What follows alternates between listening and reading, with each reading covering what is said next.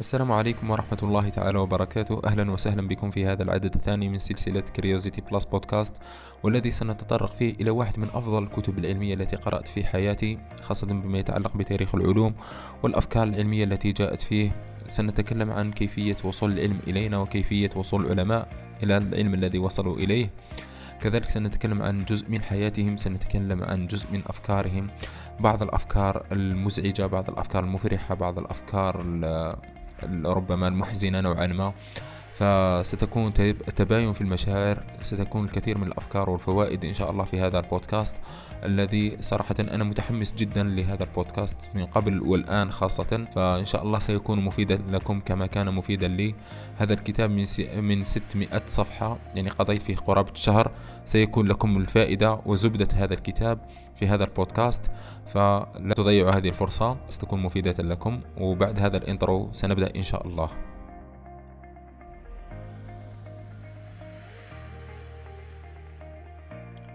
هذا الكتاب الذي كنا قد قدمناه هذا التقديم وكنت تكلمت عليه من قبل كثيرا فالكتاب كان يستحق كل هذا على كل حال. هو كتاب موجز تاريخ كل شيء تقريبا من تأليف الكاتب بيل برايسون. آه، قسمه أو تصنيف هذا الكتاب هو تاريخ العلوم والعلوم. آه، عدد صفحاته قرابة 600 صفحة يعني إلا عشر صفحات أو أقل من ذلك. دار النشر هي دار الأبيكان وسنة نشر هذا الكتاب هي سنة 2014 في الحقيقة قصتي مع هذا الكتاب هي ربما نقدر نقول مصادفة نوعا ما ونقدر نقول يعني كانت كل أمور تستدعي أني لازم نقرأ هذا الكتاب. فسبحان الله أول مرة سمعت هذا الكتاب كنت تقريبا طفل صغير أو يعني ما كنتش خلاص نقرأ كتابات يعني بهذا الشكل. فكنا نتفرجوا في طارق سويدان أنا والوالدة وشاهدت هذا الكتاب يتكلم عليه طارق سويدان كان يقول أنه هذا الكتاب مفيد ومهم وكان يشكر في هذا الكتاب فقلت أنا إن شاء الله يجي نهار ونقرأ الكتاب هذا. ومرت الأيام ومرت السنوات وزرت المعرض الدولي الكتاب وهذيك الصورة ما زالت في بالي الاسم تاعو هذاك ما زال يعني يدور لي في في راسي. فبعد ما شفت هذاك الكتاب مباشرة رحت شريته لأنه هكاك يعني بشيء من الذاكرة فقط. يعني ما كنتش أنا نعرف أنه هذا الكتاب مهم ومفيد وكذا. ولكن كنت سمعت لي هو ناس صغير فبقى دائما في بالي هذا الكتاب فاشتريته. وكنت مخبيه في المكتبة تاعي قرابة سنتين يعني المعرض الدولي الكتاب سنة 2017 الله أعلم شريته. وكنت مخبيه إلى أن جاءت فرصة وجاء شخص قال لي وش رأيك خالد نديروا تحدي؟ آه، نقراو كتاب فيه 500 صفحة في أسبوع. فاخترت هذا الكتاب. الكتاب قرأته في شهر ولكن كان يستحق. كنت تمتعت كثيرا بهذه الصفحات الموجودة فيه وهذه الأفكار الموجودة فيه. فإن شاء الله الآن سأبدأ بطرح هذا الكتاب الرائع و... وصراحة أنا ندمت لأني أخرت كل هذه المدة باش نقراه لأني كنت نظن أنه من الكتب العلمية هذيك تكون جافة فكنت نبحث لها على الزمن والمكان والراحة النفسية والجسدية حتى ننتفع به ولكن هو لم يكن كذلك لم يكن كتاب علمي جاف ولكن كان كتاب علمي في تاريخ العلوم ممتع جدا ومفيد كثيرا. فعلى أنا قلت من قبل أنه هو من أروع الكتب العلمية التي قرأت. هذا الكتاب يعني في الحقيقة آه، كما ذكرت من قبل أنه ما كانش هذاك الكتاب العلمي الجاف وكذلك لم يكن يسرد حقائق أو يسرد تاريخ. والله فقط كأشياء علمية قالت المجلة الفلانية قال الكتاب الفلاني قال الدكتور الفلاني ولكن كان يسرد. كان في بعض الأحيان يدخل الإنسان في مشكلات. مثلا إحنا ما لقيناش حل في اللغز الكذا اللغز العلمي هذا. فيدخلك أنت كجزء من هذا المشكل وأنت تبدأ تبحث معاه عن هذا الحل. فكان يقدم الكتاب بطريقة رائعة جدا بطريقة جعل القارئ يعني تأثيره قلبا وعقلا. إذا كانت هذه الكلمة صحيحة يعني علميا. الصراحة في هذا الكتاب لم أكن يعني ما حسبتش قداه مرة قلت سبحان الله ولكني قلتها الكثير الكثير من مرات. مرات من الدهشة مرات من الخوف مرات من السعادة مرات ومرات ومرات. يعني كل مرة كنت أمر ب آه، كيف نقولوها يعني تباين في العواطف من خلال صفحات هذا الكتاب. فالكتاب كان ممتع جدا الكاتب كان ناجح جدا في آه، استغلال فضول الإنسان واستغلال حبه للتعلم. وهذا شيء خلى الكتاب ناجح جدا وخلاه يحصل على جوائز عالمية. ماذا قال عنه العلماء والجرائد العالمية عن هذا الكتاب؟ صحيفة الديلي ميل آه، كريستوفر ماثيو كان يقول آه، هذا هو الكتاب الذي كنت أبحث عنه طوال حياتي. صناديق طافحة بالمعلومات قصص مذهلة وشخصيات خارقة. جريدة تايمز تقول يقدم الكتاب زادا تربويا رائعا وستكون جميع المدارس أمكنة أفضل لو كان هذا الكتاب المقرر العلمي الرئيسي في المنهاج. كانت هذه بعض الآراء فقط ولكن توجد الكثير من الآراء التي تخص هذا الكتاب. كما قلنا أن الكتاب حصل على جوائز حصل هذا الكتاب على جائزة أفنت للكتب العلمية سنة 2004 بعد تقديم هذا الكتاب سنمر إلى الكتاب ونطرح أهم أفكاره وأهم قصصه الممتعة والرائعة فأتمنى أن تكون مفيدة كذلك. كانت الكونيات هي أول ما بدأ به آه، بداية من جسيمات صغيرة وخلق الكون من العدم ونظريات نشأة الكون ودلالاتها. ولحظات الخلق الأولى التي آه، كانت لحظات ملحمية التي كان لكل جزء من الثانية فيها قدره وأحداثه الجسيمة والتي ساهمت في وجود الكون بالشكل الموجود به الآن.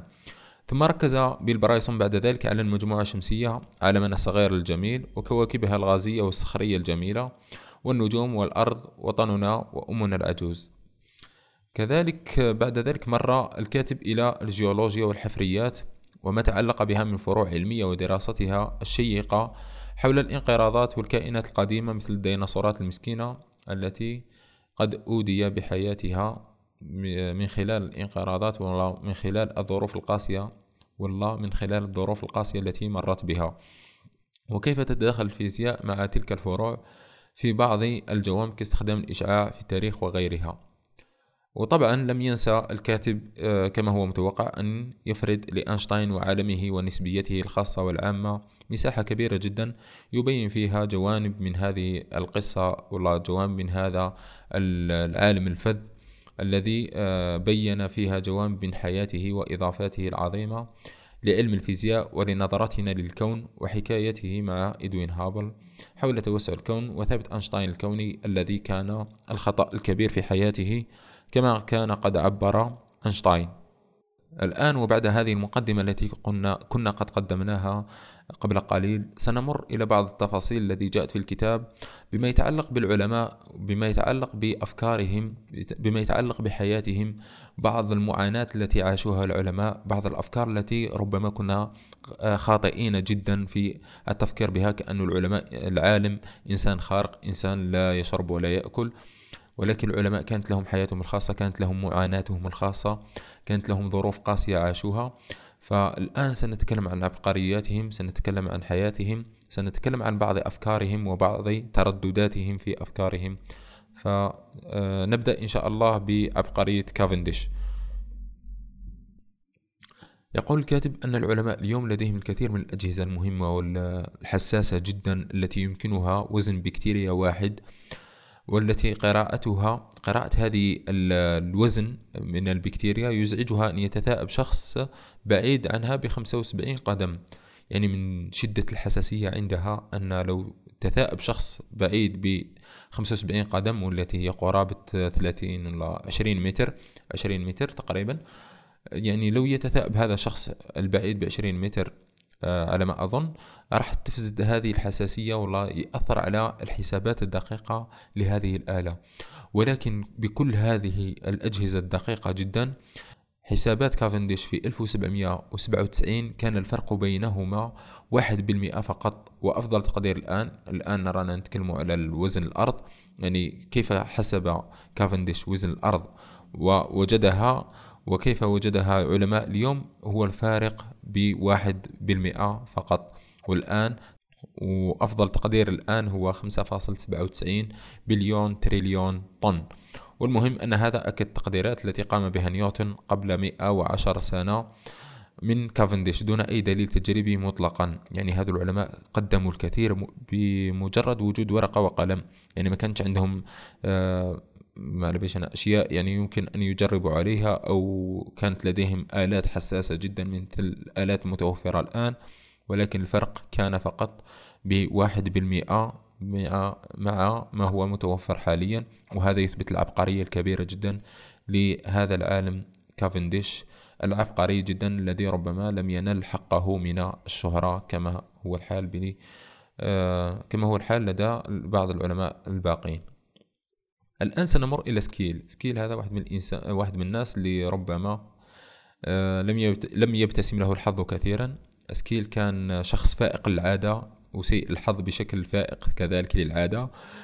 فكان صيدلي متواضع جدا ما عندوش الكثير من الأجهزة ولكن في نفس الوقت كانت له ثمانية اكتشافات لعناصر مهمة جدا. أولها الكلور الفلور المنغنيز الباريوم والموليبدنوم والتنغستين والنيتروجين والأكسجين. ولكن مع كل هذه الاكتشافات المهمة جدا التي قام باكتشافها لم يحظى ب آه، كيف بالشرف أنها تكتب على اسمه. آه، في الحقيقة بعضها أهملت بعضها سرقت بعضها نشرت بعد قيام شخص آخر بها. فكل مرة يعني أهمل هذا الاكتشاف بطريقة ما. وقد اكتشف أيضا كثير من المركبات المفيدة ومنها الأمونيا والجليسيرين وحمض التينيك وكان أول من عرف إمكانية تجارية للكلورين كمبيض. وكلها كانت فتوحات جعلت بشر آخرين أثرياء بنحو يفوق الوصف. وهذا يعني نشوفه يعني السرقة العلمية بطريقة ما يعني في الزمن الماضي كانت كبيرة جدا والآن راهي موجودة. ويعني الخاصة الأكبر هم العلماء هذو الذين بحثوا ووجدوا ولم ينالوا حقهم مما قاموا به. كان واحد من الأخطاء الكبيرة والغريبة جدا لسكيل هو تذوق كل شيء. ولما نتكلم على إنسان كيميائي يذوق كل شيء رانا نتكلم على إنسان يتذوق مواد كالزئبق وحمض السيدرو سيانيك وهو مزيد سام آه، طبعا. وأخيرا في سن 43 يعني وصل به الحال إلى أن وجد متوفيا في مكتبه محاطا بمجموعة من المواد الكيميائية السامة. ولو كان العالم آه، في ذاك الوقت يتكلم السويدية بدل الإنجليزية لحظ هذا العالم الفذ والعبقري الكبير بشهرة كبيرة جدا ولكن للأسف كان سويديا. الآن نمر إلى عالم آخر يعني كان منطويا بقدر ما كان مؤثرا. هذا العالم كان منطويا يعمل وحده نادرا ما يتواصل مع زملاء العمل. هو أفوغادو أفوغادو لم ينشر سوى أبحاث قليلة جدا ولم يكن يحظى ولم يكن يحضر أي اجتماعات. فالعلماء أطباع وأنواع مختلفة وأفوغادو قدم الشيء الكثير للفيزياء والكيمياء التي ندرسها حاليا. بعد أفوغادو راح نتكلم على واحد من أكثر القصص المحزنة التي قرأتها في هذا الكتاب التي كان لها واحد تأثير صراحة ربما حزين جدا. الآن راح نتكلم على قصة ماندليف. ولد ماندليف في 1884 في غرب سيبيريا لعائلة ضخمة ومتعلمة من 14 ولد.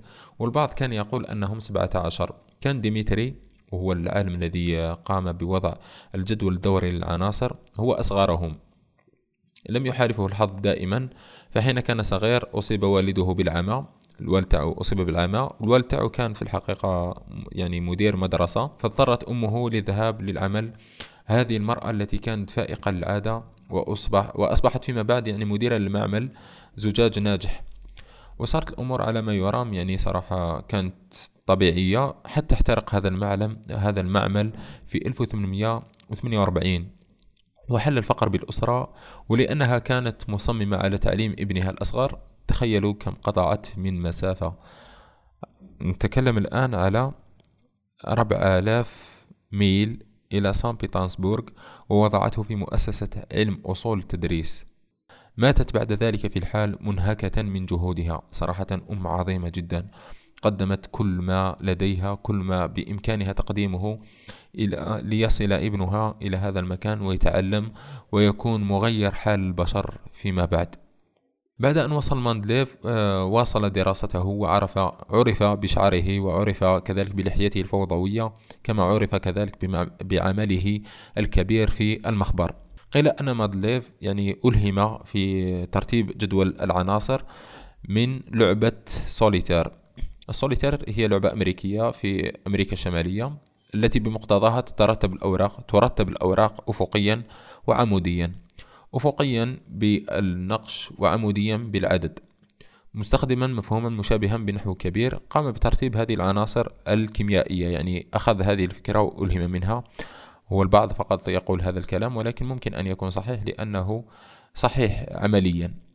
فبعد ما وجد هذا الشيء قام بترتيب الجدول الدوري للعناصر الذي ما زلنا نستعمله حتى الآن. هو يعني كان الكثير من الذين سبقوه قاموا بهذا الشيء ولكن هو الأول من قام بترتيبه ترتيب صحيح ترتيب صحيح من كل الجوانب يعني. حتى في ظل غياب بعض العناصر الأخرى التي اكتشفت مؤخرا ما زال جدوله ساري المفعول يعني وصحيح آه، إلى درجة كبيرة جدا. الآن سنتكلم عن قصة حزينة جدا لماكس بلانك ماكس بلانك ذو الحياة الصعبة جدا توفيت زوجته التي أحبها باكرا في 1909 وقتل وقتل ولده الأصغر بين ولديه في الحرب العالمية الأولى. كان لديه ابنتين توأم. توفيت إحداهما في أثناء الولادة وتزوجت الأخرى زوج أختها. وبعد عامين توفيت أثناء الولادة وفي عام 1944 حين كان في الخمسة وثمانون من عمره سقطت قنبلة للحلفاء على منزله وفقد كل شيء كل أوراقه ويومياته وما راكمه طيلة حياته. وفي العام اللاحق تم القبض على ابنه الوحيد مشتركا في مؤامرة لاغتيال هتلر وأعدم. بلانك الذي قرر أن يكرس حياته للرياضيات والفيزياء والذي كان قد تم حثه ألا يختار الفيزياء لأن المجال قد أغلق وتم اكتشاف كل خباياه ولكن لحسن الحظ لم يفعل. واكتشف لنا أول خيوط نظرية الكم.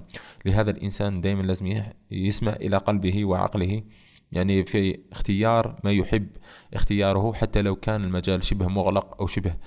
قد تم اكتشافه كله ولكن لو أحب الإنسان هذا الشيء فأكيد أنه سيجعله من جديد آه، يعني حيا وفعالا من جديد. لذلك اسمع إلى ما تريد وما تحب أنت لا ما يحب الآخرون ويريدون أن يصنعوه منك. في الفترة التي كان فيها بعد تلك الفترة كان العلماء يعني علماء الفيزياء هي قصة طريفة نوعا ما ولكن خلينا نذكرها كنوع من كسر هذا الحزن الذي خيم من خلال هذا البودكاست.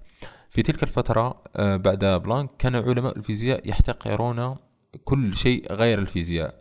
يعني بالنسبة لهم كان العلم هو الفيزياء والباقي هو شيء ما خارج العلم أو شيء آخر لا يستحق أن يدرس أو يدرس.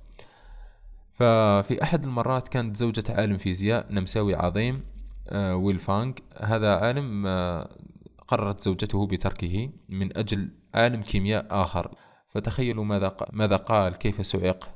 سعق غير مصدق وقال متعجبا لصديقه لو أنها تزوجت مصارع ثيران لفهمت الأمر ولكن كيميائيا. فكان احتقار كبير جدا للفيزياء في ذاك الوقت.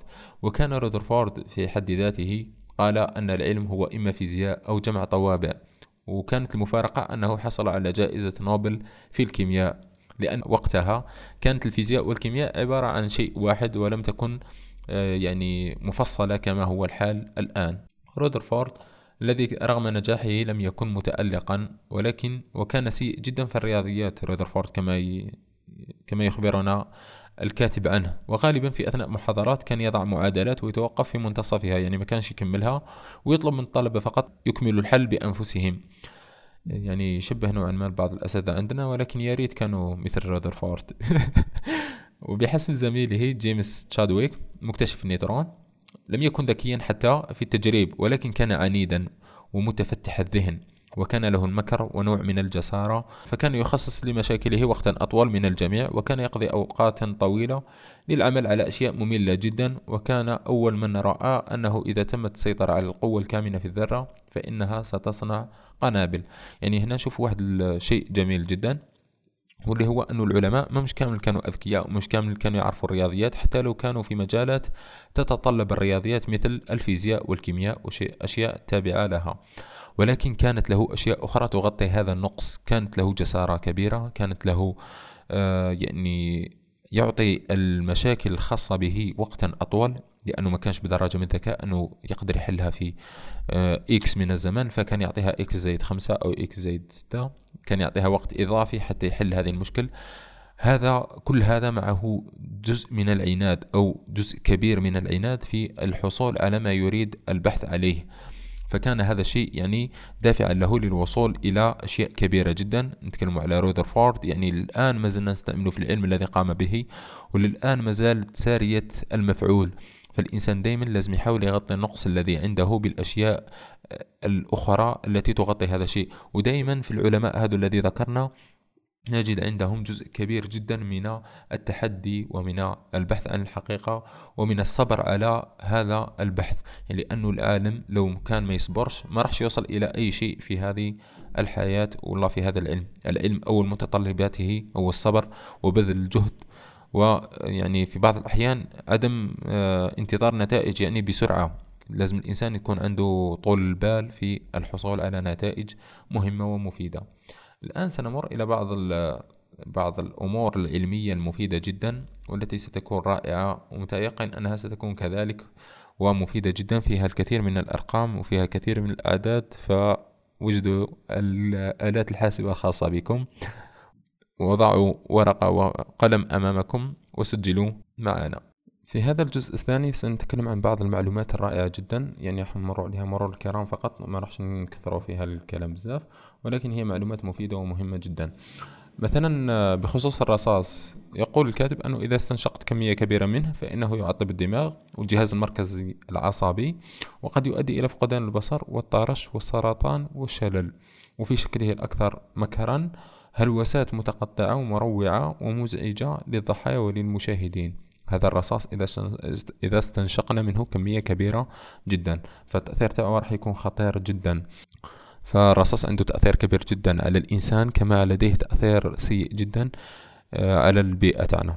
مثلا الأوزون يعني كنوع كنوع كيميائي هو نوع من الأكسجين يحمل ثلاث ذرات بدل اثنتين في الأكسجين.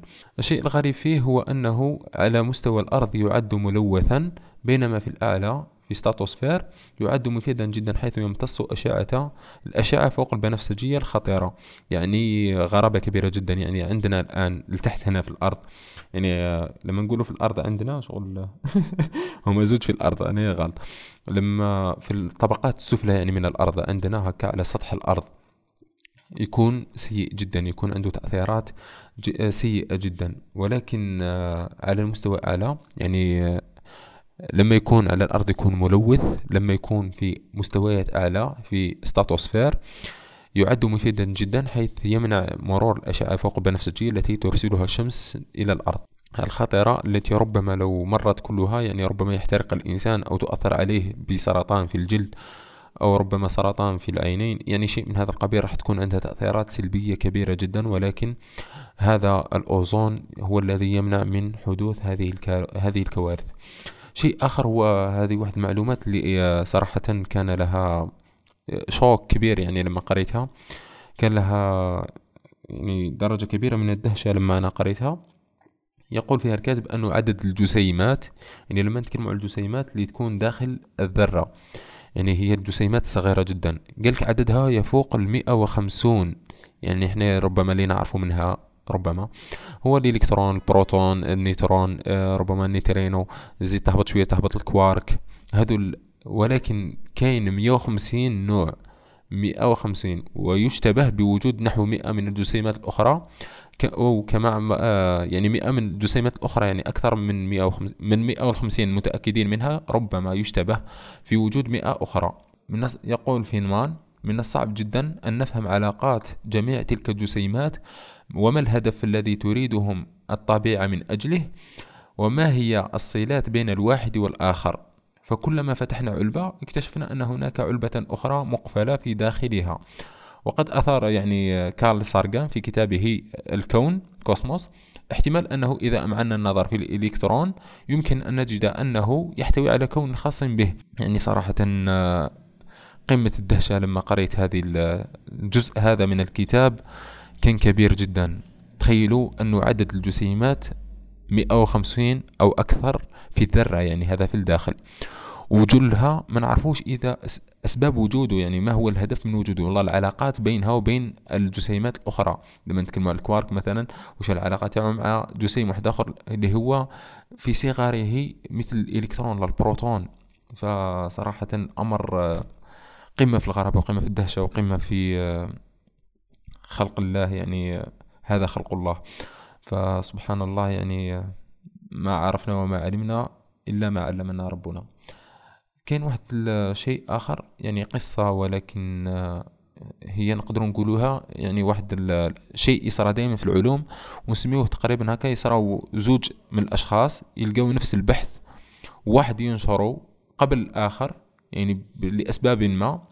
راح يكتب على الأول والثاني ما يكتبش على اسمه. وهذه في كثير من المرات يعني حدث في هذا كيف نقولوا توازي في البحوث العلمية. والله واحد يلقى الفكرة والآخر يلقاها مثلا في قارة أخرى بعيدة تماما. قام رجلان من جامعة كامبريدج عالم طبيعة دروموند ماثيوس وطالب متخرج يدعى فريد فاين أن قارات تتحرك واستنتج أن واستنتج عالم جيولوجيا كندي غير محظوظ للأسف. يدعى لورنس مورلي النتيجة نفسها في الوقت نفسه ولكنه لم يستطع العثور على أي شخص ينشر له هذا البحث. كذلك من الغرابات الموجودة في العلوم هي خوذة الغطس. الخوذة اللي يلبسوها الغطاسين ولا الغواصين لما يغطسوا في البحار. صممها إنجليزي يدعى تشارلز دين. لم يكن الهدف منها هو أنها تكون خوذة للغطس وإنما لإطفاء الحريق. يعني شوفوا تغير في المنحى لكنها كانت يعني حارة جدا وثقيلة لدرجة كبيرة جدا لأنها كانت مصنوعة من معدن. وسريعا عرف دين أن رجل الإطفاء متلهفين لدخول الأبنية المشتعلة في أي نوع من الألبسة وخصوصا في شيء يسخن ويضايقهم أثناء العمل. فكان كان على باله بلي هذه صح مشكل لما تلبس أنت خوذه كبيرة جدا وديرونجيك لما تكون تخدم بها. فمباشرة فهم بلي الاستثمار تاعو مش رح مش لازم يكون في البلاصة هذه لازم يكون في بلاصة تحت الماء. واكتشف أنها مثالية للإنقاذ من الغرق. فمباشرة حول البحث تاعو من خوذة لإطفاء الحريق إلى خوذة غطس. وهذا كان يعني آه، الفكرة التي جعلتها تنتشر هذا الانتشار الكبير جدا. فدايما الإنسان لما يختار حاجة وما تصلحش بلاصة يحاول يبدل البيئة تاعها ممكن تصلح ممكن يحاول يفهم باللي هذه ما تصلحش البلاصة هذه وتصلح في بلاصة أخرى ربما. فالتنطيح مش مليح بزاف. كذلك من المعلومات الأخرى الرائعة جدا التي قرأتها في هذا الكتاب هي الطبقات الموجودة في الغلاف الجوي. شوفوا مثلا على بالكم الغلاف الجوي تاعنا ينقسم إلى عدة طبقات غير متساوية لأسباب علمية. ولكن الشيء الملفت أنه داخل طبقة تروبوسفير هي الطبقة السفلى خلاص من الغلاف الجوي هي اللي قريبة لنا التي نشكر الله على أنه من خلالها يبقي الأرض دافئة لهذا الحد التي تبقينا على قيد الحياة. ولولاها كان الكون يعني كرة جليدية يعني حاليا بدرجة حرارة ناقص خمسين درجة. كما أن هذا هذه الطبقة تحرف الأشعة الكونية الوافدة من نشاط الشمسي إن التروبوسفير هو الجزء الغالي علينا.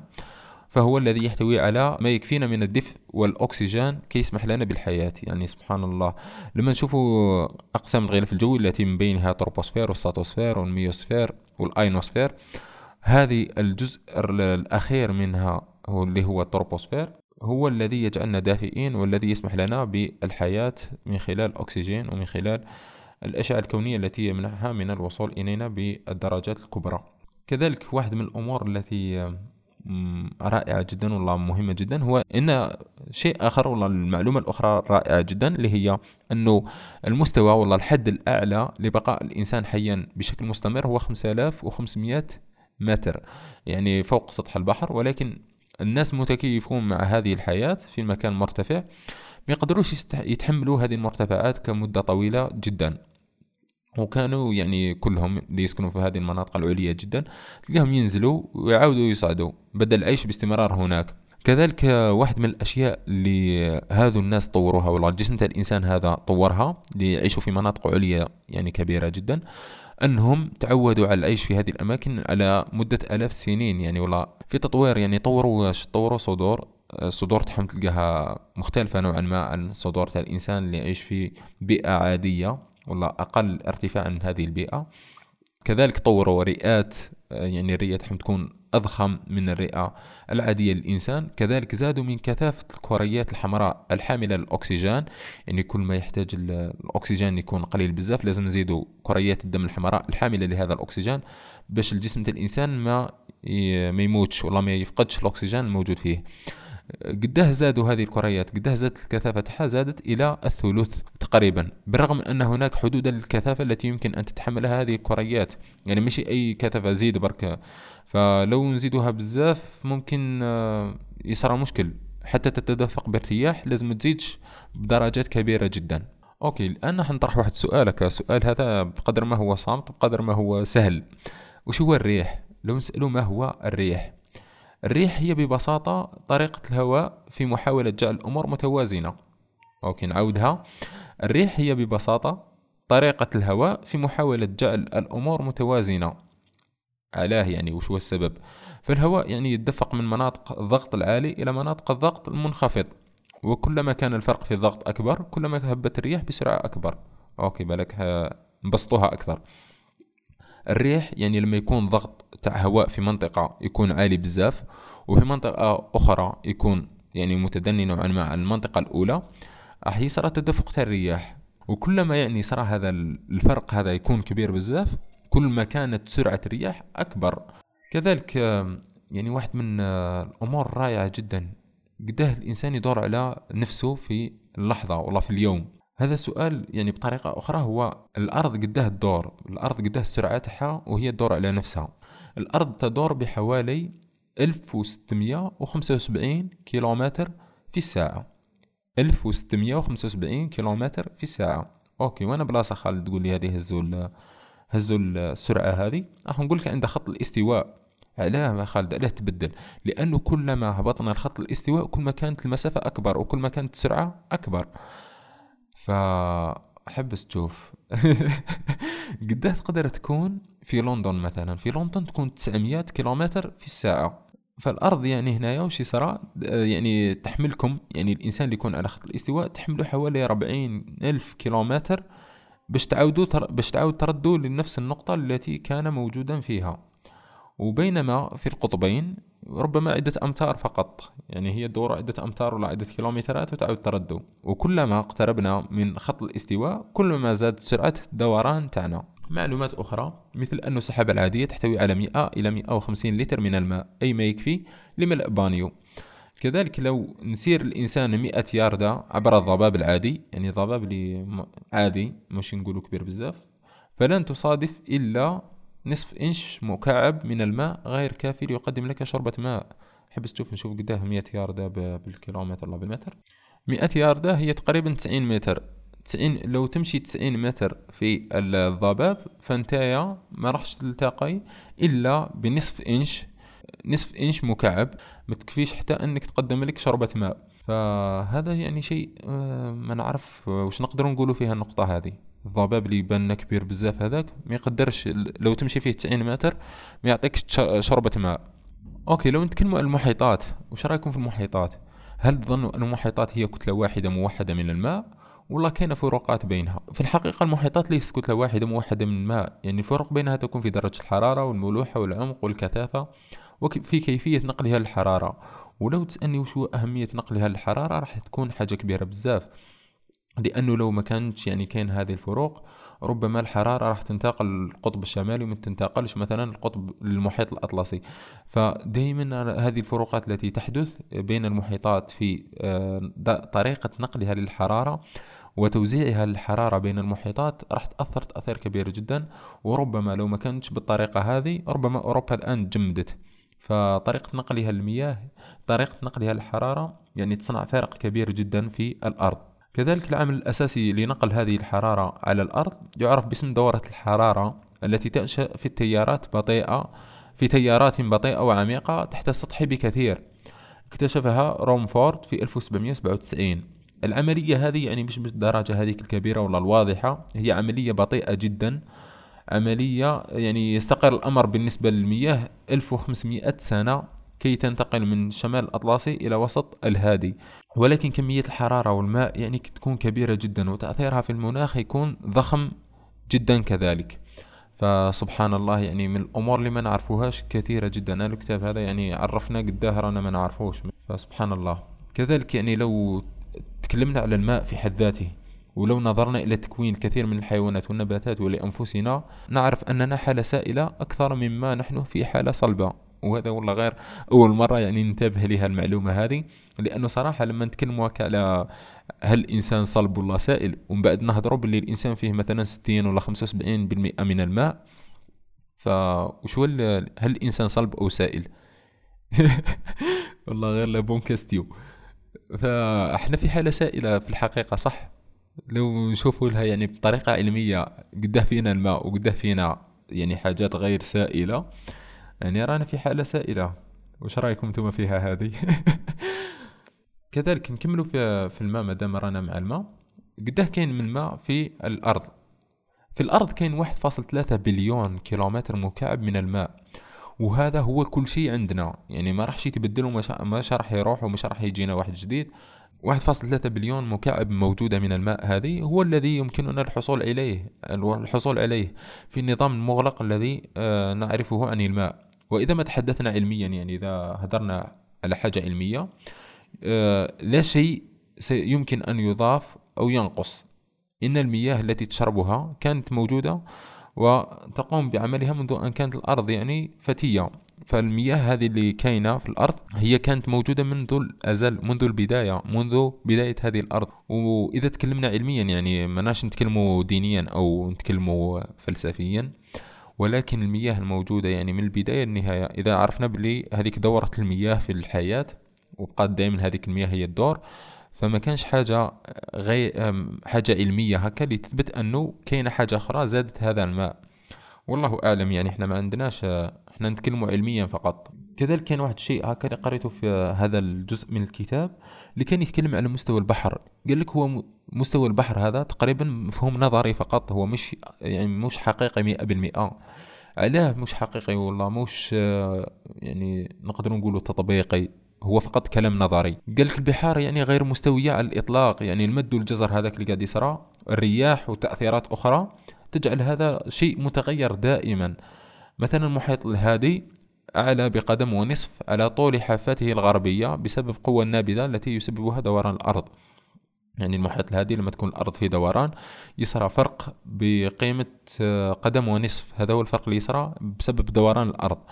فمحيط والله مستوى البحر هو شيء متغير غير ثابت إلا إذا تكلمنا نظريا حتى نعرف مستويات يعني الجبال ولا أعالي الأراضي ولا شيء من هذا القبيل.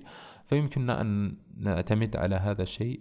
كذلك من الأشياء أخرى اللي ذكرت في هذا الجزء هو أن معرفتنا يعني بقاع المحيط لا تزال ناقصة جدا. تخيلوا لليوم ما زلنا ما اكتشفناش يعني شيء القليل القليل القليل من الشيء الموجود في البحر. فخرائط المريخ الموجودة عندنا كما قال الكاتب أنه عندنا من خرائط المريخ أكثر مما لدينا لقيعان البحار. يعني ما هو موجود عندنا من خرائط المريخ وربما القمر والكواكب هذه البعيدة نسبيا مقارنة بالمحيطات الموجودة أمامنا هي شيء الكثير والله آه، شيء كبير جدا مقارنة بالصفر فاصل صفر صفر الموجودة عندنا. من المعرفة حول البحار وقيعان المحيطات. كاين ثاني واحد سؤال هنا والله غير اجاوب عليه هو صراحة صح مهم جدا. قال لك إحنا من المعروف اللي عندنا إحنا حاجة معروفة أنه مياه تاع النهر المعدنية آه يعني تروح للبحر وأن هذه المواد المعدنية تمتزج بالأيونات في المياه المحيط لتشكيل أملاح. كل هذا عادي يعني هذا شيء معروف انها لما توصل ثم تختلط مع المياه تاع المحيط وتولي آه، تشكل أملاح آه، لتشكيل الاملاح قال لك هذا عادي ولكن قال لك ما كان لغزا. أن مستويات الملوحة في البحر ثابتة. فتتبخر ملايين الجالونات. يعني الكاتب يقول أن ملايين الجالونات من المياه العذبة تتبخر في المحيط يوميا تاركة كل أملاحها خلفها. وهكذا فمن المنطقي أن تزداد ملوحة البحار مع السنين. ولكن ما يحصل هو أنه توجد شيء يوجد شيء آخر يأخذ كمية من ملاح من آه أملاح من المياه مساوية للكمية التي توضع فيه. حتى جاء ألفين واكتشف فتحات البحر العميقة. هذه الفتحات الموجودة في البحر. أدرك حينها العلماء أن الفجوات التي تعمل كمصاف في حوض الأسماك يعني هذه الفجوات الموجودة تعمل كمصفيات ولا مصاف في هذه في المحيطات.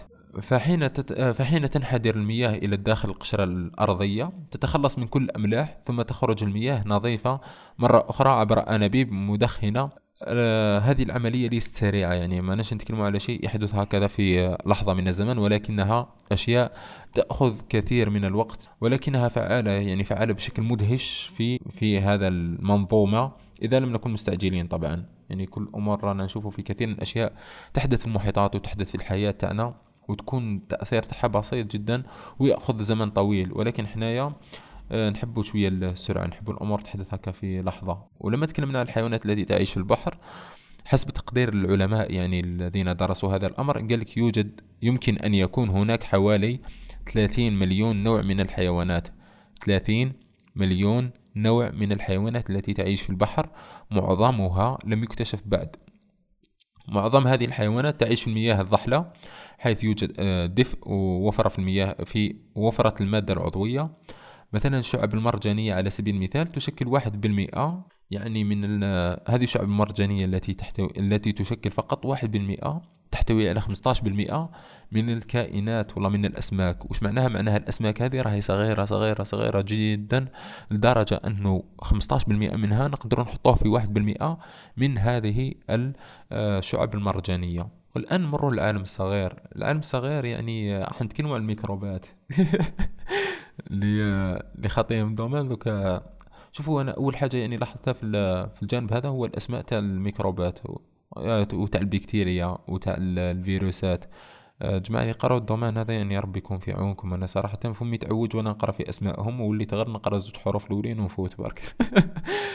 فمعليش نتكلموا على شوية ميكروبات وبكتيريا وشيء من هذا القبيل وما نظنوش باللي راهي بهذاك السوء اللي رانا نتخيلوا فيه. فمعليش نفوتوا عليها. قال لك من الأفضل يعني الإنسان أنه ما تشغلوش الميكروبات بشكل موسوس يعني يعني الإنسان اللي بالغ في أنه يبتعد على البكتيريا أو يبتعد عن الميكروبات هو إنسان يعني راح يوصل درجة من التوسويس ممكن تضره أكثر ما تنفعه كما فعل بعالم الكيمياء والبكتيريا الفرنسي لويس باستور الذي وصل به الحد إلى الاشمئزاز من الصحون التي آه، توضع أمامه يعني جميعها كان يشمئز منها. من درجة؟ بسبب أنه درس بزاف هذا الأمر ف يعني توسويس كان يضر به يعني كان يشمئز من كل الصحون الموجودة أمامه. كذلك محاولة الهروب أو الاختباء منها لا يجدي نفعا. يعني تخيل تهرب من حاجة هي موجودة فيك أصلا.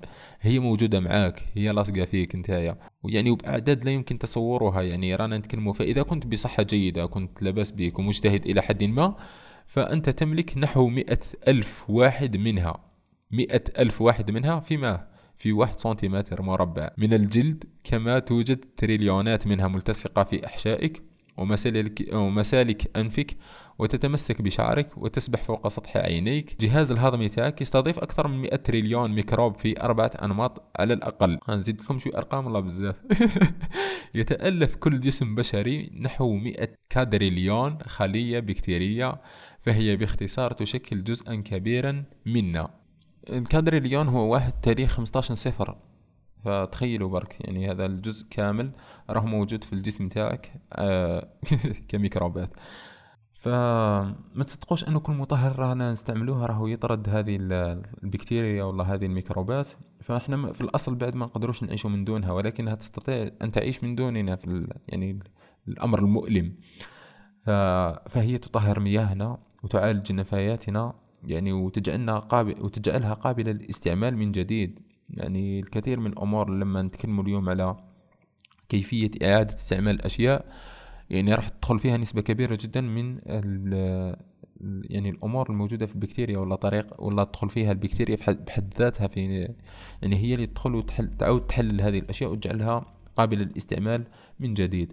وتجعل التربة تاعنا منتجة وتساعدنا على الاستفادة مما نأكل وتشن حربا على الميكروبات الغريبة التي من الممكن أن تنزرق إلى المريء. فكل هذه رانا نعتمد عليها اعتماد كبيرا جدا. مثلا رانا نعتمد عليها في انتزاع النيتروجين وتحويله إلى نيوكليوتيد وأحماض أمينية لنا. وكما قال سرغان أن القيام بشيء نفسه اصطناعيا يقتضي يعني هذا الشيء اللي كنا نتكلم عليه انتزاع النيتروجين وتحويله إلى نيوكليوتيد وأحماض أمينية قال لك أنه لازمنا باش نقوم به اصطناعيا يجب أن يسخن الصناع مواد المصدر إلى 500 درجة مئوية. ويعصرها بضغط أعلى بثلاث بضغط أعلى بثلاث مرات من الضغط العادي. وهذا ما تفعله الجراثيم دون أن تحدث أي صوت ولا أي جبلة ولا فسبحان الله. شوفوا يعني الأشياء الموجودة في الجسم تاعنا وتقوم بها بكتيريا لا ترى بالعين المجردة. وهذا الشيء يعني لو قارناه بأشياء اصطناعية والله لو حبينا نقوم بشيء هذا صناعيا يقتضي أن نرفع درجة الحرارة إلى 500 درجة ومن بعد ذلك نضغطها بثلاث أضعاف من الضغط العادي. فسبحان الله الذي جعل فينا هذه الأشياء والله هذه الكائنات التي تعمل أعمال يعني سبحان الله ما قدروش حتى نتخيلوها. كذلك كاين واحد من نوع من الميكروبات ولا من البكتيريا. صراحة أنا لما قريت هذه المعلومة فشلا دارت لي. هذا البكتيريا اسمها دينو كوكوس. راني نهجي ما تلومونيش الـ Deinococcus radiodurans. هذا الاسم الكامل تاعها. الله يبارك. قال لك هذه البكتيريا تمتلك مناعة ضد النشاط الإشعاعي وإذا ما تم تفجير ال DNA الخاص به يقوم تقوم القطع بإعادة تشكيل على الفور. يعني سبحان الله هذه البكتيريا وش راهي تقدر تدير؟ فعندها مناعة من النشاط الإشعاعي وكذلك لما تقطعها يعني وتفجر هذاك ال DNA تاعها تعاود هذه القطع اللي فجرناها بإعادة تشكل على الفور. كذلك كاين واحد الجرثومة اسمها Streptococcus. هذه الجرثومة بقت على قيد الحياة بعد أن أخرجت من العدسات المختومة للكاميرا بقيت على القمر لسنتين. يعني بكتيريا لما داو يعني الأجهزة تاعهم للقمر وقعدت في القمر لمدة سنتين بعد ما جابوها لقوها باللي مازالت الجرثومة هذيك عايشة ثم بقيت على قيد الحياة ولم تمت.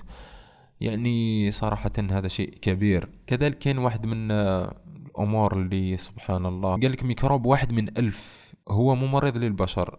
ميكروب واحد من ألف. وإذا ما عرفنا ما يعمله ما يفعل بعضها يمكن أن نسامح الباقي. لكن لا ننسى أن القاتل رقم ثلاثة في العالم الغربي.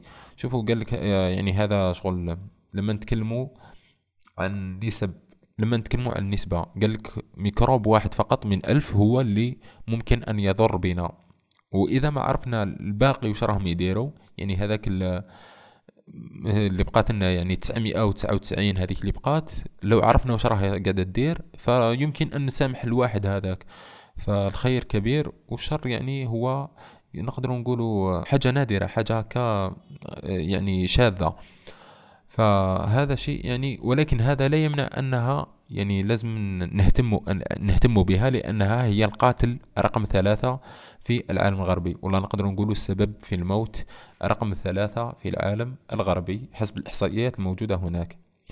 الشيء اللي حبيت نتكلم عليه يعني في الجانب هذا هو أنه الاستعمال الغير علمي للمضادات الحيوية مثلا آه، مثل التسميد ولا شيء آه، الأشياء التي تشبه هذا الاستعمال الغير علمي ولا الغير الغير مبني على العلم يمكن أن يجعل البكتيريا تطور مقومات أخرى ضدها. يعني آه هذا مشكل كبير له صار يعني في الاستعمال الغير علمي المضادات الحيوية. ومؤخرا رانا دخلنا في واحد المشكل لأنه المضادات الحيوية راها نقصت آه درجات ولا آه كي يعني نقصت الأبحاث التي تجد يعني مضادات حيوية جديدة فكل ما عندنا هو ما قد اكتشف من قبل بنسبة كبيرة جدا. والاستعمال غير علمي يجعل هذه البكتيريا التي نريد محاربتها من خلال هذه المضادات الحيوية تطور مناعة في التغلب على هذا المضاد الحيوي الذي قمنا بتطويره. ولكن ما يريحنا قليلا يعني آه، نعطيه شوية أمل.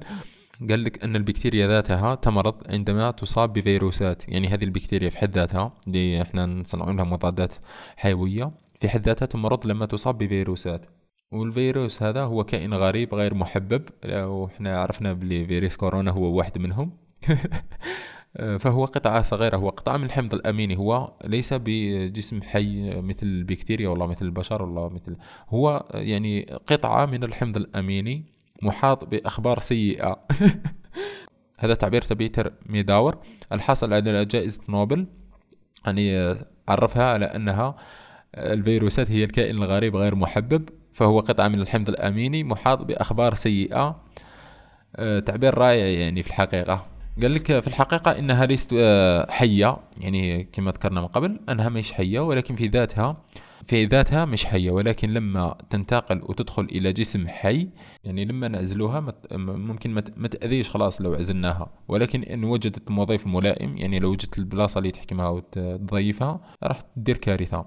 آه، الكاتب يقول أنه يوجد حوالي 5000 نوع من الفيروسات المعروفة ولديها قدرة مثيرة للأعصاب في الظهور والاختفاء بسرعة. يعني قال لك آه، تظهر ومن بعد تختفي بسرعة هكا. مثل واحد الفيروس ظهر في 1916 بمرض السبات الالتهابي الدماغي المسبب للنعاس يعني كانوا الضحايا تاعو ينامون ولا يستيقظون إلا بصعوبة كثيرة وينوضوا غير فقط للأكل ولا قضاء حاجة وبعد ذلك لا يعرفون من هم وأين كانوا ويتواصلون على ويواصلون على هذه الحالة لشهور قبل الموت ونجت قلة قليلة جدا منهم وفي عشر سنوات قتل المرض هذا خمس ملايين شخص ثم تلاشى بهدوء وأحيانا يبقى مهمدا لسنوات طويلة.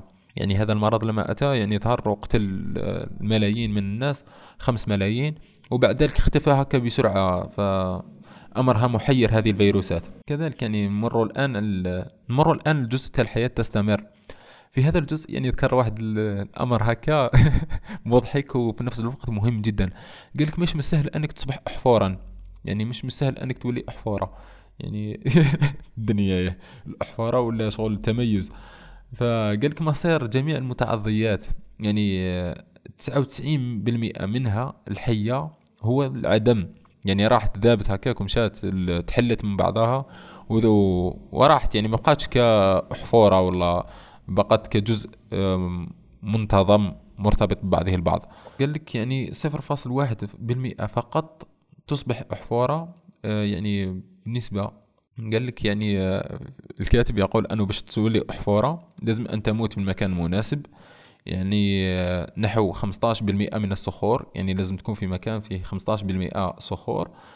وكذلك يعني يعني تستطيع حفظ وهذه الصخور من الصخور هذه مش أي صخور لازم تكون صخور التي يمكنها حفظ هذه الأحافير.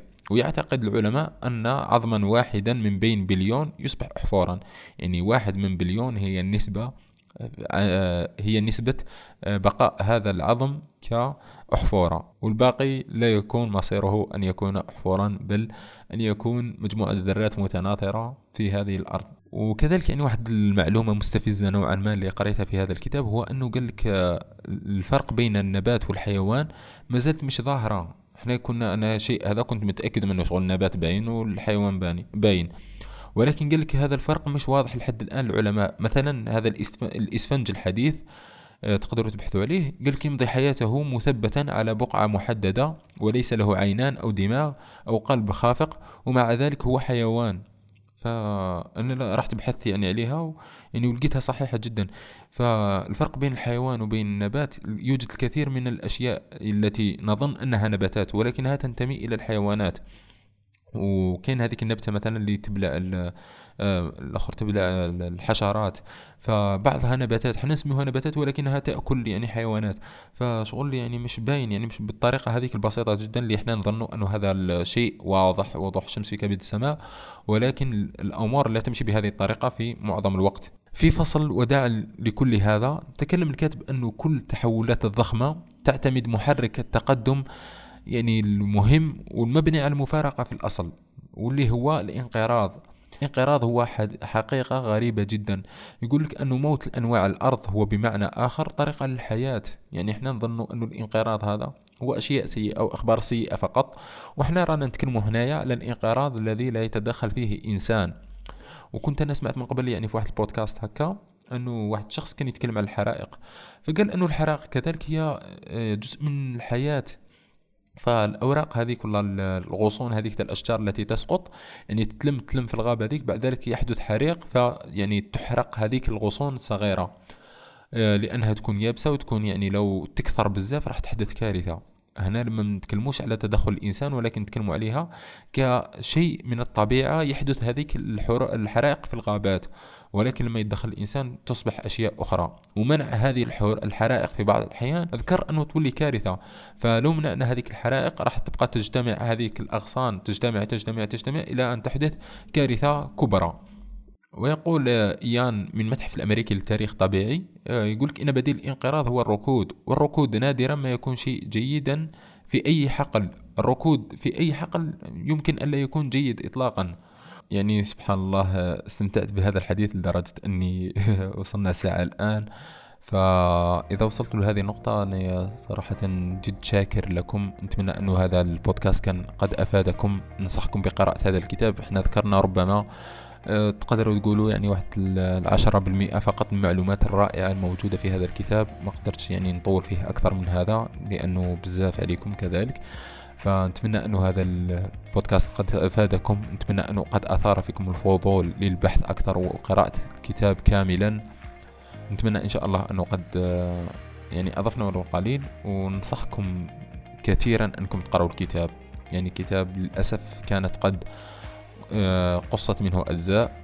يعني ربما لأنه أفكار هذه الأجزاء لا تتطابق مع أفكار هذا الكاتب.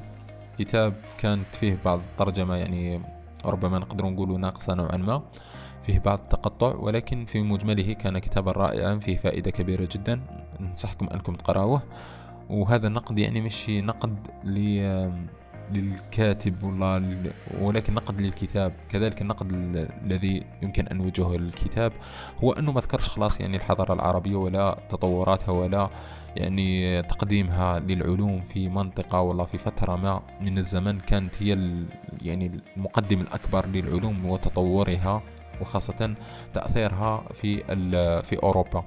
فالكتاب يعني أهمل هذا الجانب ربما هو توجه فقط إلى العلوم في الربع الأوروبي الأعلى وما تكلمش فقط ما تكلمش إطلاقا على يعني العلوم المقدمة من الدول العربية أو غير العربية الأخرى المهمشة نوعا ما. فنتمنى أن هذا الشيء قد أفادكم. أعطيكم الصحة. والسلام عليكم ورحمة الله تعالى وبركاته.